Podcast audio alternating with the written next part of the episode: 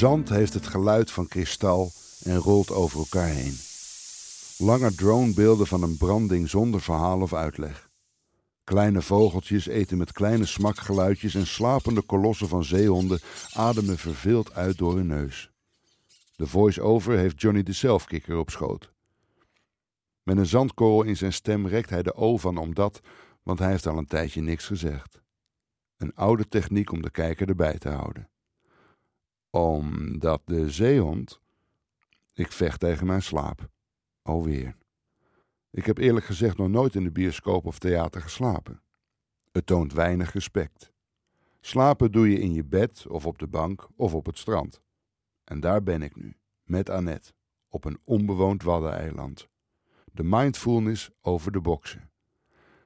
Bij het vermenigvuldigen van een mossel dreig ik de sterrenwereld achter mijn oogleden voor de derde keer te bekijken. De vanuit het niet streng begeleidende orgelmuziek houdt mij op de vlakte. Op mijn schoot ligt een brok speculaas en ik breek een stukje af. Ik tik Annette haar hand aan en ze kijkt eerst naar mij en daarna naar beneden. Haar hand omsluit het speculaas als wel mijn hand. Een warme, zacht, ribbelige hand die mij doet denken aan de handen van mijn oma Keizer. Voor het slapen gaan ging zij altijd achter mij zitten en omsloot mijn kinderhanden met de haren om God te bedanken voor de gezellige dag en dat hij over mij zou waken. Annette brengt onze handen wat naar boven en we maken een overwinningsgebaar. Het is een teder moment die ik van beide vrouwen nooit meer wil vergeten. De film is afgelopen. Prachtig, heel mooi, jongen, jongen, wat mooi, is de gulle conclusie van Annette. Had je geen last van de O en A muziek? Nee, niks van gehoord. Echt een prachtfilm, ik heb genoten. Moet je nog naar de wc, Annette? Nee hoor, het gaat. We lopen het rechthoekige rotsblok uit en de wind pakt ons gelijk in. Ik duw haar over een troosteloos parkeerterrein wat ook net buiten de ring van Antwerpen had kunnen liggen. Mijn auto wordt becommentarieerd of was het een natuurfilm. Van de rolstoel naar de heilige koe zie ik dat Annette haar zitting nog droog is. Gelukkig, ze had gelijk. Hoe lang is het geleden dat je voor het laatst naar de bioscoop bent geweest? vraag ik.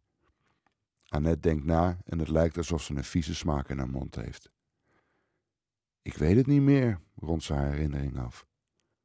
1980? Toen was mijn vrouw nog niet eens geboren, denk ik snel. Aangekomen op Annette haar mooie gracht strijden vogels om het mooiste lied. Mijn alarmlichten gaan aan. Tik, tik. Annette schuifelt over de klinkers naar de voordeur. Ze pakt haar sleutels voor de tussendeur. De deur heeft een piep, het zitje van de trapstoel een bonk en het rode knopje voor omhoog een klik. Zacht zuizend gaat Annette naar boven. Mijn basstem zet ik aan. Ik wens u een mooi middagdutje toe.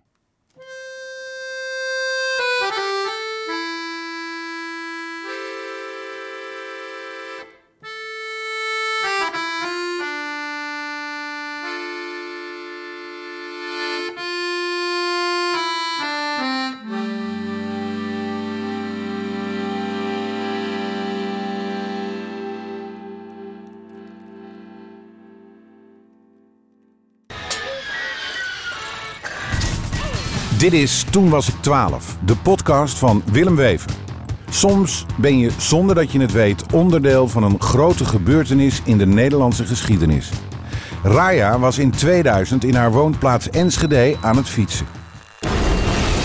Ik kijk omhoog en zie ineens siervuurwerk. Ik voel de aarde trillen. Mijn woonwijk is opgeblazen. Geert zat gewoon in de klas toen er een Molukse man in een lange leren jas binnenliep. Nou ja, hij uh, zei tegen uh, onze juffrouw van, dit is een gijzeling. En ondertussen werd onder zijn linkerarm door, met op haar arm een pistool gedrukt. Sandra moest kosten wat kost naar het laatste concert van haar favoriete band Doe Maar. Nou, toen stond mijn hart dus echt even stil.